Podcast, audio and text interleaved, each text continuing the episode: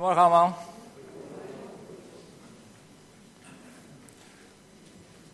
Ik wilde vanochtend met u uh, een heel aantal zaken bespreken, dus we hebben wel even de tijd. Dus ga er rustig voor zitten, zou ik zeggen. Ik wilde uh, eerst even kijken naar een plaatje en dan kijk ik even naar Sylvia, want die bedient de knoppen vanochtend van uh, mijn bierman. En dan gaan we even kijken naar of u dit herkent. Wie herkent dit? Wie is dit? Wat is dit? Paleis op de Dam, zeggen jullie in koor. Nou, dan kan ik dat niet meer bestrijden. Maar dat klopt inderdaad. Het is het, uh, het Paleis op de Dam. Paleis op de Dam, dat weet ik niet uit mijn hoofd, maar dat heb ik nog even nagekeken op internet natuurlijk. Dat is uh, gemaakt rond 1650. Rond 1650, zo'n 400 jaar geleden, zeg ik dat? Nou, bijna 400 jaar geleden is dat gemaakt. Hebben ze heel veel tijd en energie ingestoken. Is niet in een jaartje klaar. Was ook niet prefab of zo. Zijn ze heel druk mee bezig geweest om dat allemaal om dat heel mooi te maken. 400 jaar geleden. En in de loop der tijd, uh, dat is natuurlijk heel mooi, maar dan komt de wind komt erbij. Uh, je moet het onderhouden, er moet geld verzameld worden. En weet ik wat allemaal. Langzamerhand dan, uh, ja, dan brokkelt dat misschien een klein beetje af, dat gebouw. Dus een aantal jaren geleden hebben ze het gebouw ehm, gerenoveerd. Het hele ding kwam in de stijgers. Dat zien? Deze kun je zo van internet halen hoor, dat was ik allemaal niet bij. Maar allemaal stijgers om dat gebouw. Ze hebben niet het hele gebouw gerenoveerd overigens, maar vooral de voorgevel. Voor zover ik dat goed uh, begrepen heb. Daar zijn ze heel druk mee bezig geweest. Mensen die uh, heel kunstzinnig zijn, die zijn uh, stukje voor stukje zijn ze dat aan het bewerken geweest. Je kunt het ook zien, want die man in zijn handen heeft, weet ik niet, maar hij heeft wel handschoentjes aan. Om het, om, het hele mooie van het gebouw weer, weer naar boven te krijgen. Want er, er, waren donkere vlekken gekomen, er waren lichte vlekken gekomen. Hebben ze allemaal in kaart gebracht. Je kan er ook een filmpje van zien. De Rijksgebouwendienst, die wou ik eerst laten zien. Maar dan gaat het straks alleen maar over dit gebouw. En dat moet ook niet. Maar ze hebben alles in kaart gebracht om het weer heel mooi te doen laten worden. Zoals het oorspronkelijk bedoeld was. Nou, hier is meneer druk aan het werk. Hier zie je een van de... Uh, ja, dit is geen ornament geloof ik, hè, maar dit is iets wat ze heel mooi gemaakt hebben. Uh, en dan zijn ze aan het opknappen geweest en dan komt het uiteindelijk zo uit te zien. En zo hebben ze dat hele gebouw helemaal opgeknapt. En als je dan tot in detail ziet, dan zie je allemaal dingetjes die weer uh, in ere hersteld zijn. Deze man die spuit allerlei dingen schoon. Je kan je ook voorstellen, midden in Amsterdam, er is heel veel uh, uitlaatgassen van auto's enzovoort. En dat wordt allemaal aangetast, de steen. sommige stukjes zijn er misschien ook wel afgebrokkeld. Ehm, ik denk dat die neus er afgevallen is bijvoorbeeld. Kan u dat zien? Dus die neus die, heb je een stukje gips of cement. En dan ga je dat weer zo goed mogelijk maken, zodat het er mooi uitziet zoals het geweest is. En volgens mij heb ik daar ook een plaatje van. Links is die zoals die volgens mij hersteld is. En daarna is hij geverfd en dan ziet hij er weer helemaal uit zoals hij vroeger bedoeld is. Wie is er wel eens geweest in dat gebouw? Een aantal mensen. Het schijnt heel erg mooi te zijn. Um, ik wil er ook nog eens een keer, naartoe. En ze hebben ook niet alleen uh, de buitenkant het cement gedaan, maar ik zag hier ook foto's van, van gouden dingen hebben ze, hebben ze weer helemaal hersteld. En zo, worden, en zo ziet hij er uiteindelijk weer uit. En dan zie je dat natuurlijk al die kleine stukjes niet meer. Maar als je erop inzoomt, dan zie je wel hoeveel dingen er gerenoveerd zijn en hersteld zijn.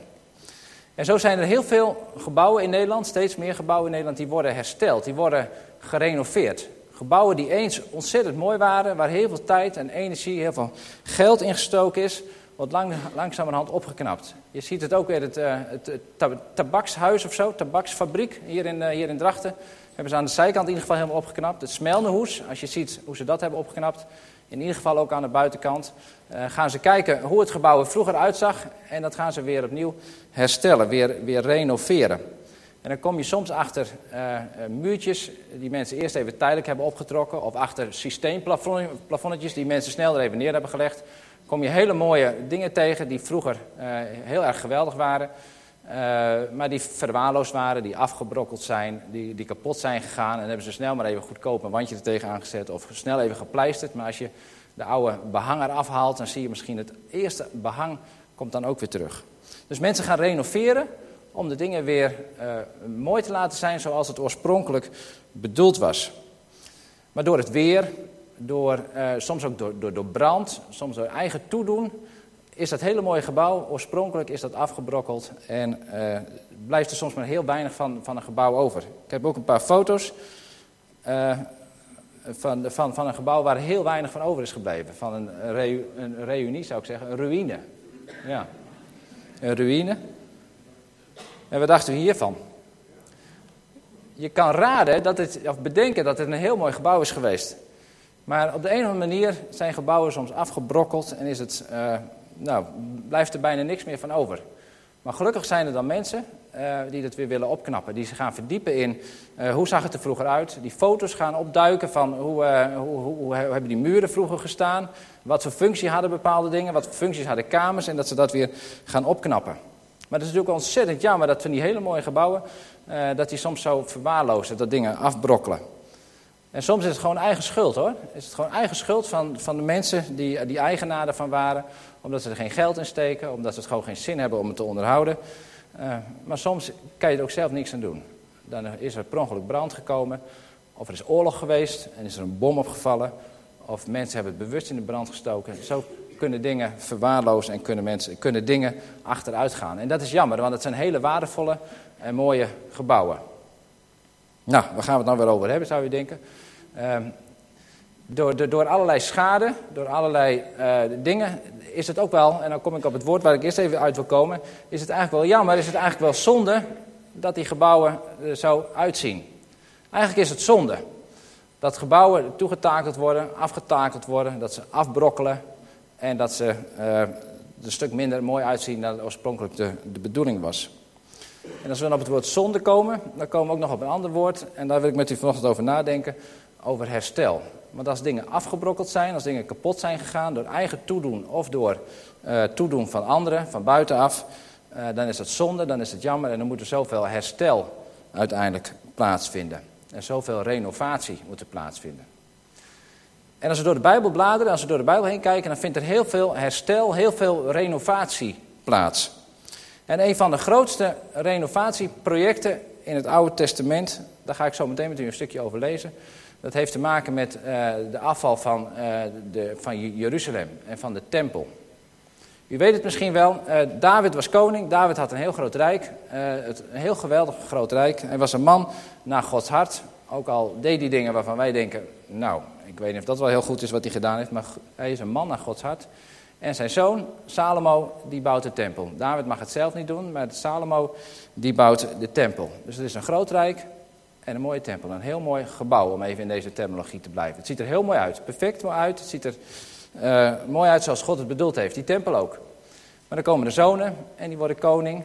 En langzamerhand brokkelt zo het koninkrijk van God af. En langzamerhand brokkelt ook de godsdienst af. En langzamerhand brokkelt die tempel ook een klein beetje af. Mensen keren zich van God, ze keren zich naar, naar andere gebouwen, ze gaan niet meer naar de tempel, ze denken dat ze het allemaal zelf wel kunnen. En langzamerhand verdwijnt God uit beeld. En langzamerhand brokkelt het geloof af, langzamerhand brokkelt de godsdienst af bij Israël.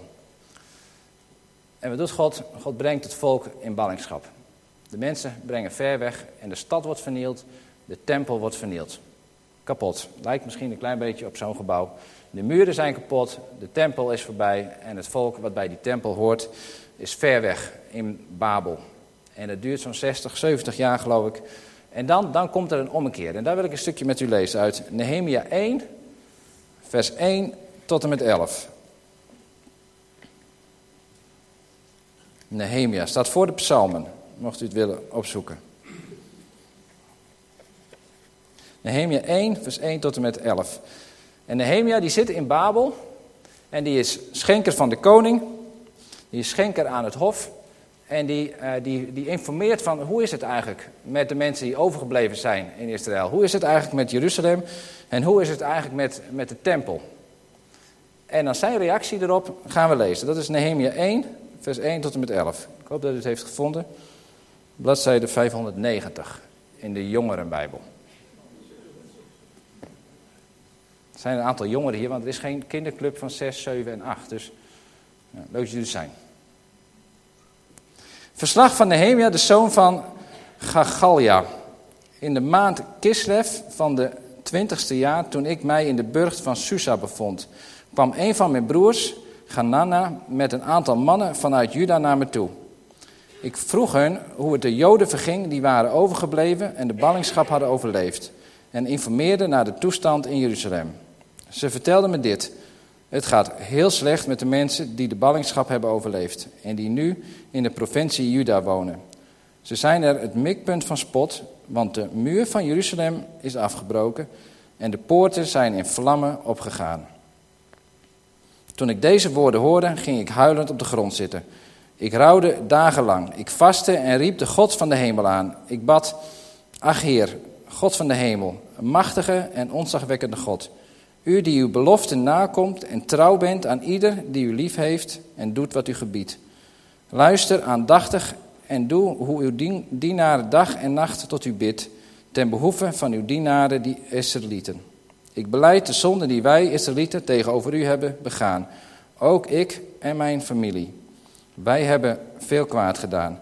Wij hebben ons niet gehouden aan de geboden, voorschriften en regels die u aan Mozes, uw dienaar, hebt gegeven. Denk toch aan wat u Mozes hebt voorgehouden. Als jullie ontrouw zijn, zal ik jullie onder alle volken verstrooien. Maar als jullie naar mij terugkeren en je houden aan mijn geboden en die naleven, zal ik jullie, ook al zouden jullie verbannen zijn naar het eind van de hemel, terughalen en bijeenbrengen op de plaats die ik heb uitgekozen om er mijn naam te laten wonen. De Israëlieten zijn uw dienaren, zij zijn uw volk. U hebt hen door uw grote macht en met uw sterke hand bevrijd.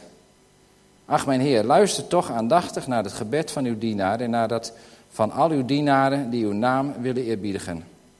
Laat me vandaag toch slagen en laat de koning mij welgezind zijn. In die tijd was ik schenker aan het hof van de koning. Dat is een beetje de setting van waar uh, Nehemia in zit. Uh, hij is ver weg van zijn geboorteland en hij vraagt van hoe is het daar? En het gaat slecht met de mensen. Want de muren, de muren om de stad heen die bescherming moeten bieden, die zijn kapot gegaan. Uh, de tempel is afgebroken en het gaat slecht. En het eerste wat hij doet is op zijn knieën gaan en bidden. En ik vind het heel mooi wat hij zegt. Hij zegt niet alleen ik heb het fout gedaan, maar wij hebben het fout gedaan. Ik en mijn familie, we hebben het fout gedaan. En hij zegt, heer, als we het fout doen, dan worden we verbannen, dan gaat het misschien fout met ons, dan gaan we de verkeerde kant uit. Maar, zegt hij, heer, u heeft ook gezegd, maar als we naar u terugkeren, als we nou ons, ons weer op u gaan richten, dan brengt u ons weer terug. Dan wilt u ons weer terugbrengen. En hij doet een beroep op die belofte van God om weer terug te, te mogen komen. Om weer terug te mogen komen naar Jeruzalem en om de boel weer te gaan herstellen.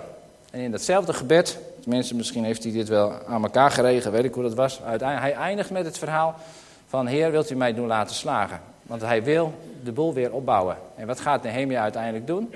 Hij vraagt toestemming aan, aan, de, aan de koning om terug te keren. Hij krijgt manschappen mee, hij krijgt dingen mee. En zo mag hij terug naar Jeruzalem en mag hij de muren van Jeruzalem weer gaan herbouwen. Uh, gaat hij de voorschriften weer uh, opstarten. Wordt de tempel uiteindelijk weer herbouwd. En zo komt die stad weer tot leven en komt de tempel weer tot leven en wordt de hele, de hele godsdienst weer uh, opgesteld. En dat doet Nehemia niet alleen, doet hij natuurlijk ook met Esra.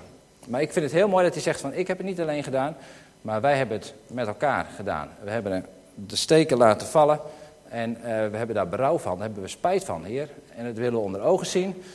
Maar we doen ook een beroep op uw belofte om de boel weer op te bouwen. En dan beginnen de tempelfeesten weer. En dan gaan ze weer ontdekken welke principes God in de wet heeft gelegd. En zo wordt langzamerhand het volk weer opgebouwd, wordt de tempel weer herbouwd. En staat God weer in het middelpunt. Er is ook een tekst wat ik met u lezen wil, wat daar ook mee te maken heeft, is Jesaja 58, vers 12. Het hele stuk is natuurlijk interessant, maar we moeten ook tijd voor koffie nemen straks. En dat is een, een, een belofte. Uh, u moet dat stukje maar, maar eens lezen, waar, waarin staat dat, um, dat, dat God zegt, als je terugkomt, dan zullen de dingen weer hersteld worden. Dan zul ik de dingen weer renoveren om in het thema te blijven waar we in zitten. Jesaja 58, vers 12. En dan belooft God, je eigen mensen zullen weer opbouwen wat al eeuwenlang verwoest ligt. Wat is dat dan? Fundamenten, door vroegere generaties gelegd, zullen weer worden hersteld. En dan zal men je noemen hersteller van muren, herbouwer van straten. De belofte die God ons geeft, als we terugkomen, als we weer naar, ons, naar hem toerichten, dan zal hij de boel gaan herstellen. Dan zal hij weer de zaken gaan herbouwen. Dan gaat God renoveren. En daar hadden we het over. De Bijbel heeft het over renoveren. Het volk van God is afgedwaald naar, de, naar, naar Babel zijn, naar de, de ballingschap is er geweest. Maar als je het bekeert en terugkomt naar God, dan gaat God de boel weer herbouwen. En dan zegt hij, wat zul je worden? Je zult herbouwer worden, je zult de boel gaan herstellen en je zult de boel weer opnieuw opbouwen. God is bezig met een renovatieproces om het allemaal weer in goede banen te leiden. En als we dan kijken naar het Nieuwe Testament, dan wordt daar nog veel meer hersteld. Want het rijk van David is natuurlijk ook ten gronde gegaan door die ballingschap en dergelijke. Maar Jesaja 9 staat ook, een afstammeling van David zou komen om zijn koninkrijk weer te herbouwen. Om het koninkrijk weer op te bouwen. Om het koninkrijk weer te renoveren. Om weer een, een nieuwe start daar aan te geven. En dat is niet een zichtbaar koninkrijk, maar dat is het koninkrijk van God. En Jezus is gekomen om dat koninkrijk weer te gaan herbouwen. Dus als je zo door de Bijbel heen leest, dan zie je steeds dat God een God is die dingen herbouwt, die dingen eh, herstart en die dingen weer gaat herstellen. En die herstelling, die, dat vindt nu plaats en dat vindt nog steeds verder plaats. Want straks lezen we, dan kun je lezen in openbaringen. Dan komt er een nieuwe hemel, dan komt er een nieuwe aarde en dan zal alles weer hersteld zijn. Dus het woord herstellen is door de Bijbel een heel rood thema. Je kunt bij God afgedwaald zijn, je kan hem kwijt zijn geraakt. Uh, door allemaal uh, eigen schuld, niet eigen schuld, door allerlei dingen om je heen. Uh, maar God wil herstellen. God wil herstellen. En ik vind het woord herstellen heel mooi, want in het woord herstellen zitten eigenlijk twee dingen. Aan de even, even, bijvoorbeeld als je iets, iets herstelt, een tafel of een stoel herstelt, dan heb je besloten om het niet weg te gooien. Dus in het woord herstellen zit iets van, het is waardevol, het is mooi. Ik wil het niet wegdoen, maar ik wil het herstellen. Maar het is te beschadigd om het zo te houden. Want je wil het vernieuwen. Je wil er weer de oude glans aan geven. Je wil de oude glorie er weer aan teruggeven. En dat is het mooie van herstel. als God gaat herstellen, dan zegt hij eigenlijk van... Je bent te mooi om weggegooid te worden. Maar je bent te beschadigd om je zo te houden. En zo kijkt God naar ons. En zo kijkt God naar deze wereld. En zo zie je door de hele Bijbel heen de geschiedenis van herstel. God doet zijn volk niet weg. Maar hij vindt het te mooi hij vindt het te mooi om weg te doen, maar het volk is te beschadigd om het zo te houden. En hij wil dingen gaan herstellen. En dat geldt in het grote verband, voor de hele mensheid, maar soms is het veel mooier om het veel kleiner te maken. En dan geldt het ook voor mij. Ik ben beschadigd, ik heb dingen opgelopen in het leven. Dat kan ik zelf gedaan hebben, het kan mijn eigen stomme schuld zijn geweest. Maar het kan ook zo zijn dat anderen mij schade hebben berokkend. Maar God zegt, ik gooi jou niet weg, maar ik wil je herstellen. Ik wil die beschadigingen bij je wegnemen. En God is dus in feite voortdurend aan het renoveren. Voortdurend met mensen aan het renoveren. Want hij ziet, ziet de waarde erin. God kijkt op een andere manier naar mij dan dat heel veel mensen misschien naar mij kijken. Of wij, God kijkt op een andere manier naar mensen, laat ik het algemeen houden, dan dat wij soms naar mensen kijken. Wij zien soms wat voor ogen is, maar God die kijkt naar wat hij uiteindelijk met die mensen bedoeld heeft. En ik kwam op YouTube een leuk filmpje tegen, wat een beetje beeld geeft van hoe je naar mensen kan kijken. Soms kijken wij naar mensen en denken, nou, nou, vooruit maar, dat is wat. Dus uh, Sylvia, je mag, je mag hem opstarten. Er is een, een, een man die uh, in, de, in de oorlog heeft gevochten, die dakloos is geworden. Dat is niet deze. Nee. Dit gaat over die zwerver. Dit is de sluipreclame tussendoor. Dit is een zwerver. En deze man die uh, heeft in de oorlog gevochten, is alcoholist geworden. is dakloos geworden. Ja, ik ga weg dakloos geworden. Maar er zijn mensen die meer in hem zagen dan dat hij misschien in hem zag. Die meer in hem zagen dan uh, mensen om hem heen in hem zagen. En die hebben tijd en energie en tijd in deze man gestoken en de kwaliteiten.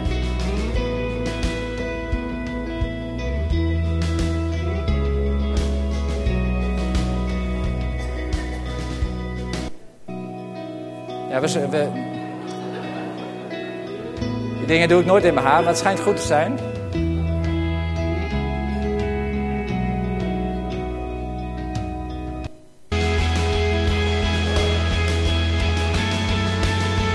Dan moet je opletten hoe hij kijkt naar zichzelf zometeen.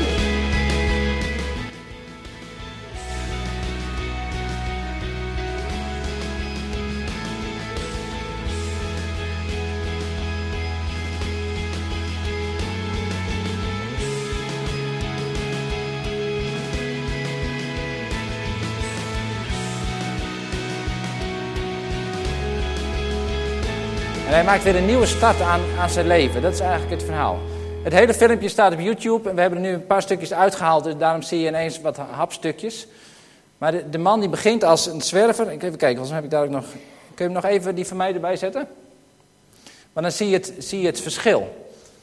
Die man die je eerst ziet, en dan denk je, ja, nou ja, hoe betrouwbaar is deze man? Hoe zullen we het met, met deze man doen? En uiteindelijk wordt het een, door, door alleen maar een buitenkant aan te passen, maar dat is het in feite, uh, zie je dat hij heel anders uit zijn ogen kijkt. En dan kijk je zelf misschien ook wel heel anders naar, naar hem. En het suggereert misschien een beetje dat mensen in pakken beter zijn dan mensen zonder pakken. En dat bedoel ik helemaal niet. Maar je ziet in de ogen, zeker van die grote foto, zie je hoeveel eigenwaarde die weer heeft. Dat hij het weer ziet zitten. Nou, uh, God is aan het renoveren, God is aan het uh, herstellen, God is aan, aan het veranderen van mensen. En hij, hij ziet wel onze dingen die we hebben opgelopen, maar tegelijk ziet hij daardoorheen, ziet hij uh, de nieuwe mens. En ziet hij, ons, soms ziet hij ons als nieuw. En het vraagt best wat moed om op die stoel te gaan zitten voor hem. En dat vraagt voor ons ook heel veel moed om daarin naar God toe te gaan. En eerst maar toe te geven ook van, het lukt me niet, ik kan het niet, het breekt me af. Ehm, er zijn dingen kapot gegaan. Dan vraagt het moed om daar naartoe te gaan en zeggen van Heer, wilt u mij uh, maar onder handen nemen? En daar hebben we hulp van anderen voor nodig. En wat heeft God dan voor ogen? Uh, als je kijkt naar Colossense 3 vers 10, dan gaat dat over het oude leven en het nieuwe leven. En het nieuwe leven, er staat dat we vernieuwd worden naar het beeld van zijn schepper. Dat we vernieuwd worden naar het beeld van zijn schepper, naar God zelf. Dat we vernieuwd worden en gaan lijken op Jezus Christus. Als God naar ons kijkt, dan ziet hij niet zozeer al onze beschadigingen, die ziet hij ook, maar daar dwars doorheen ziet hij iemand die mag gaan lijken op Jezus Christus. In Efeze 4, vers 23 staat dat we ons denken vernieuwd mogen worden. En zo wil God steeds naar ons kijken als mensen die vernieuwd worden. En zo mogen we naar elkaar kijken als mensen die uh, nieuw zijn, die veranderd mogen worden naar uh, het beeld van de schepper. Maar heel veel, en als we zo rondkijken, dan zien we dat we nog lang zo ver niet. Heel veel dingen die zo heel mooi zijn in ons binnen, die zijn uh, verborgen. Want als je kijkt naar, even kijken hoor, naar, naar, naar jezelf, naar onze gemeente, naar mensen om ons heen, dan zien we er soms meer zo uit dan een heel gerestaureerd gebouw. Heel veel mensen, heel veel van ons hebben ook schade opgelopen. Het zij door onszelf, het zij door mensen om ons heen. Je hoeft je oor maar even te luisteren te leggen bij de pastoraat of bij andere mensen bij ons in de gemeente. En je hoort hoe beschadigd mensen zijn. Misschien zien we er aan de buitenkant allemaal wel heel mooi uit. Maar heel veel mensen van ons die uh, hebben schade opgelopen. En soms komt dat zomaar ineens aanwaaien. Doen andere mensen je dat krijg je een mail met ellende over je heen. Zeggen mensen tegen je allemaal de lelijkste dingen. En dat doet pijn en dat doet verdriet. En soms ook doe je jezelf schade toe. Doordat je keuzes maakt in je leven waar je denkt van wauw, had ik dat nog maar nooit gedaan. Maar dat heeft pijn gedaan. Dat doet pijn en daar ga ik kapot aan. Schade, jezelf, je schade toeberokkenen. Ik zei er net al, eigenlijk is dat zonde. Het is zonde voor ons, zonde voor jou, zonde voor mij. Als we onszelf tekort doen of als we onszelf dingen aandoen die niet goed voor ons zijn. Als we filmpjes kijken uh, die we liever niet hadden, die we beter niet hadden kunnen zien. Als je luistert naar het pastoraat, er zijn re relatieproblemen. We kunnen moeilijk soms met elkaar omgaan. In relaties is het moeilijk om naar elkaar te luisteren. Soms uh, horen we dingen van elkaar en dan maken we dingen kapot van elkaar. En zo is het niet bedoeld. En dat is niet de bedoeling om dat zo te doen. En als je de verslagen leest in de krant, uh, hoeveel seksueel misbruik er wel niet is, uh, dan denk ik, zou het bij ons anders zijn in de gemeente? Zou het bij ons anders zijn? Zou al die ellende die we lezen in de krant, komt misschien ook, had ook wel in de Sifra kunnen staan, want wij zijn niet anders dan de mensen hier buiten, buiten de kerk. Ook wij berokkenen elkaar schade toe, ook wij doen dingen die we eigenlijk niet hadden moeten doen. En dat doet pijn en daarmee zijn we hoog aan renovatie toe. En God die kijkt naar ons en die zegt, beste gemeente, beste Piet, Jan Klaas of het maar heten mag. Je bent te mooi om weggegooid te worden, uh, maar je bent te beschadigd om niks met je te doen. Ik wil je met jou aan de slag en ik wil je beetje bij beetje veranderen, waardoor je steeds meer, een klein beetje meer gaat lijken op mijn zoon Jezus Christus. Zodat je gaat worden zoals je oorspronkelijk bedoeld bent. Want er zitten zoveel mogelijkheden in jou, in mij, in ons als gemeente. Ik heb zo'n mooi plan. Zoals Johannes ook al zei, we hebben zo'n mooi plan met jou als gemeente, met, met ons als mensen. En dat wil ik graag tevoorschijn laten komen. Dus God wil ons renoveren. God wil met ons aan de slag. En dat is een doorlopend proces. En misschien heb je het wel eens gehoord. Ik heb het wel eens gehoord. Als je dan ergens mensen aan het renoveren zijn, dan lees je het wel eens in de krant. Dan, dan ineens vinden ze een luikje ergens. En dan komen hele mooie dingen ineens naar boven. Ineens schilderijen die achter kasten verstopt zaten komen tevoorschijn. Laatst heb ik nog gehoord, maar waar het precies kwam vandaan weet ik niet, hebben ze oude beelden van de Elfstedentocht weer naar boven gehaald. Die lagen ook ergens verpieterd en die hebben ze weer op internet gezet en die kun je weer terugkijken. Als je gaat renoveren, als, je, nou, als kleiner al, als je je kamer een keer heel goed gaat opruimen, dan kom je ineens 5 euro tegen onder de koelkast. Of 10 euro, of 100 euro, weet ik dat. Je kan hele mooie dingen tegenkomen. Als God met ons gaat renoveren, als God de gemeente gaat renoveren, als God jou persoonlijk gaat renoveren, dan komen er hele mooie dingen weer naar boven. Die we vergeten zijn, waar een laag stof over is gekomen, waar we een, een mooi sierwandje voor hebben gezet. Omdat we denken, we doen het even snel, we doen het even zo. dan ziet het in ieder geval voor de buitenkant mooi uit. Maar God gaat veel grondiger renoveren. Hij kijkt achter die schotjes, hij kijkt achter de rommel, achter de puinhopen van ons leven. En dan wil hij weer die hele mooie dingen ontdekken die God in ons gelegd heeft. In ons persoonlijk, maar ook in ons als gemeente. En hij wil gaan ontdekken uh, al die waarheden die er vroeger al lagen. En daarom heb ik Jesaja 58 ook gelezen. In Jesaja 58 staat dat, uh, laat ik het nog even bijlezen, dat we het, eeuwenlang, je, je, eigen mensen zullen weer opbouwen wat er eeuwenlang verwoest is gebleven. Ligt namelijk fundamenten door vroegere generaties gelegd. En ik, ik heb een verlangen om met elkaar als, als gemeente weer op zoek te gaan naar die fundamenten die generaties geleden daar al gelegd zijn. En het bedoelt, ik denk, bedoel ik niet dat de Bijbel dat bedoelt te zeggen van we moeten al die ouderwetse dingen weer doen. Maar die generaties geleden al gelegd zijn, de eeuwigdurende waarheden die God in zijn Bijbel uh, heeft gelegd. Die God ons wil geven. Die we nodig hebben om te kunnen leven. En dat we met elkaar op zoek gaan van wat zijn nou, wat zijn nou die waarheden? Waar zijn die waarheden? En die gaan over liefde, die gaan over omzien naar elkaar, die gaan over trouw, die gaan over barmhartigheid, die gaan over zoveel dingen, zoveel waarheden die er liggen, maar die we misschien door allerlei slecht onderhoud, door stof, door toedoen van allerlei andere dingen uit zicht zijn geraakt. En God wil dat weer, weer zichtbaar maken. God wil zichtbaar maken wat hij in zijn gemeente heeft gelegd en welk doel hij daar mee heeft. Want soms zijn we het spoor even bijster. Ik, ik, heb hier een voorbeeld staan van want ik, een, een, een aantal, aantal jaar geleden, dat gebruik ik even als voorbeeld om het duidelijk te maken, uh, kwam ik een groepje mensen tegen van een kerk en die waren in de mineur. Waarom? Omdat er een jong stel in hun gemeente was gaan samenwonen. Ik weet niet of het tegenwoordig nog een item is, maar een aantal jaar geleden was dat een hot item in een kerk. Van dat komt toch niet? Je gaat toch niet samenwonen? Ja. En toen vroeg ik die mensen van, um, hebben jullie ze ook verteld, en het gesprek duurde veel langer, maar uiteindelijk kwamen we daarop uit. Hebben jullie ze ook verteld wat de waarde is van het huwelijk uiteindelijk? Of heb je alleen maar gezegd, je mag niet samenwonen? En dat is wat ik bedoel met die tekst uit Jesaja 58, dat we op zoek gaan naar, naar de waarheden die in de Bijbel liggen. Niet dat we alleen maar normen opleggen en zo en zo moeten we, zo moeten we zingen, zo moeten we bidden, zo moeten we dit, zo moeten we dat doen. Maar dat we met elkaar op zoek gaan welke waarden liggen daaronder. Welke waarden heeft God daarmee bedoeld? Welke waarheden? We moeten de Bijbel lezen. Uh, dat is hartstikke goed. We moeten elke dag Bijbel lezen. Uh, maar gaan we ook met elkaar ontdekken over wat er in die Bijbel staat en hoe ik dat in mijn leven van alle dag praktisch kan maken. En als ik dan lees over de liefde van God, gaan we dan ook met elkaar zoeken naar de waarheid van hoe kan ik dat in mijn gezin zichtbaar maken? Hoe kan jij dat als docent zichtbaar maken? Hoe kan je dat op je werk met een baas die uh, zit te tieren of ook maar zijn doelstellingen moet gaan halen?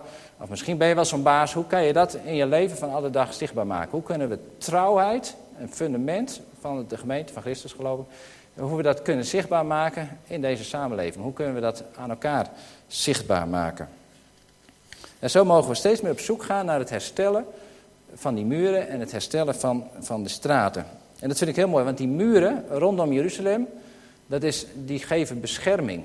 Dat is niet omdat je je muren moet optrekken voor je hart, dat is een heel ander boek en het gaat over hele andere dingen. Maar dit gaat over het bescherming bieden. Dus we mogen dingen gaan herbouwen om bescherming te bieden aan elkaar en ons als gemeente en zelfs ook aan, aan de samenleving. We mogen straten gaan herstellen, waardoor je over de straten weer naar elkaar toe kan lopen en elkaar weer kan ontmoeten. En ik geloof dat er heel veel waarheden liggen die we nog met elkaar weer mogen ontdekken. Maar we zijn zo beschadigd. We zijn zo beschadigd uh, door allerlei dingen om ons heen. En uh, de herstel mag plaatsvinden. We mogen herstel zoeken in relaties en daar ook de waarde van mogen ontdekken. Niet alleen dat we kennen het woord van God, maar dat we het mogen toepassen in ons eigen leven. En ik geloof dat dat de fundamenten zijn. Ik heb hier nog een, nog een voorbeeld uh, staan. Even kijken. Even zoeken, want anders hou ik straks alles door elkaar. En dat snappen jullie het al zelf niet eens meer.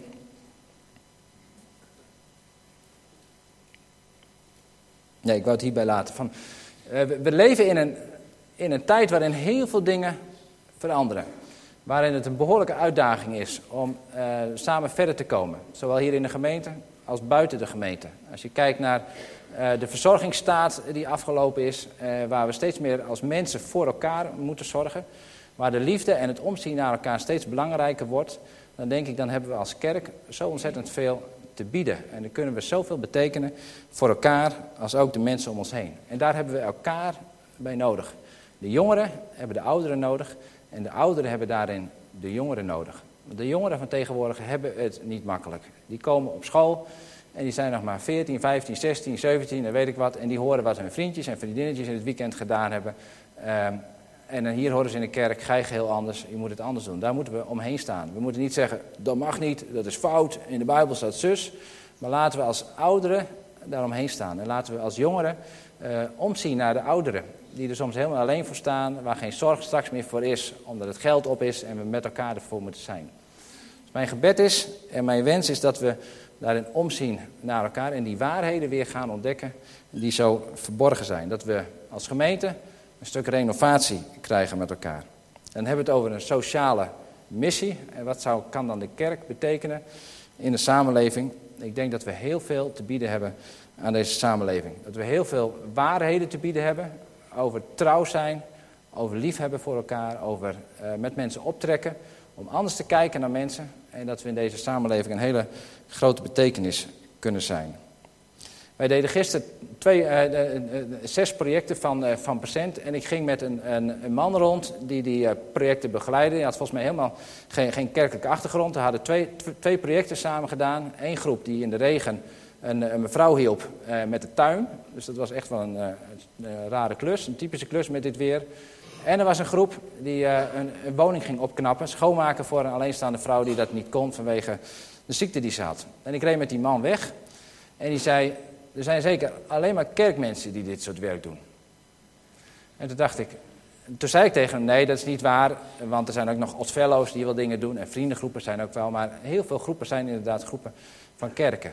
En ik denk, de waarheden die wij hier kennen met elkaar en die we nog veel meer mogen ontdekken, is dat we omzien naar elkaar en dat we er voor de ander zijn. En dat we de ander zien zoals God ze uiteindelijk bedoeld heeft. En zo zijn we relevant voor de samenleving. Ik moet u eerlijk zeggen, ik heb wat andere dingen door elkaar gehaald dan dat ik wilde doen. Maar ik hoop dat u de boodschap uh, een beetje begrepen heeft. Ik wilde afsluiten met een lied van, van Kees Kraaienoord. Dat vind ik mooi. Um, uh, dat, dat, is een lied dat, dat hij steeds zingt. Van dat, dat, um, dat God een God is van iedereen. Van een God van, van uh, ieder mens, in wat voor situatie ook. En ik wil die tijd nemen om uh, misschien voor jezelf eens even reflecteren van wat je gehoord hebt. Dus te luisteren naar de tekst en te kijken naar de beelden. Stel voor dat we daar even naar kijken en luisteren.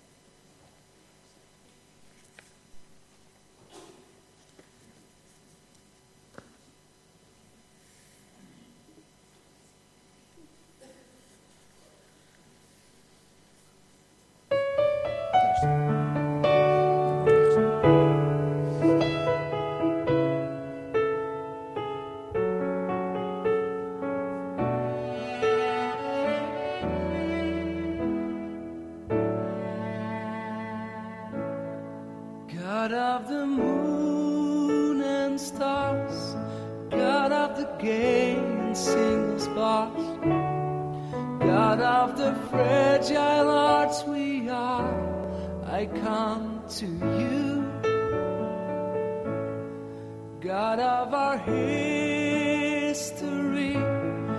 God of the future that will be, what will you make of me? I come to you.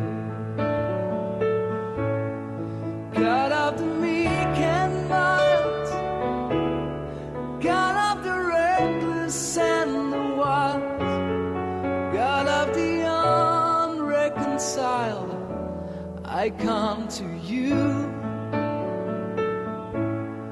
God of life and death, God of our secrets unconfessed, God of our every breath,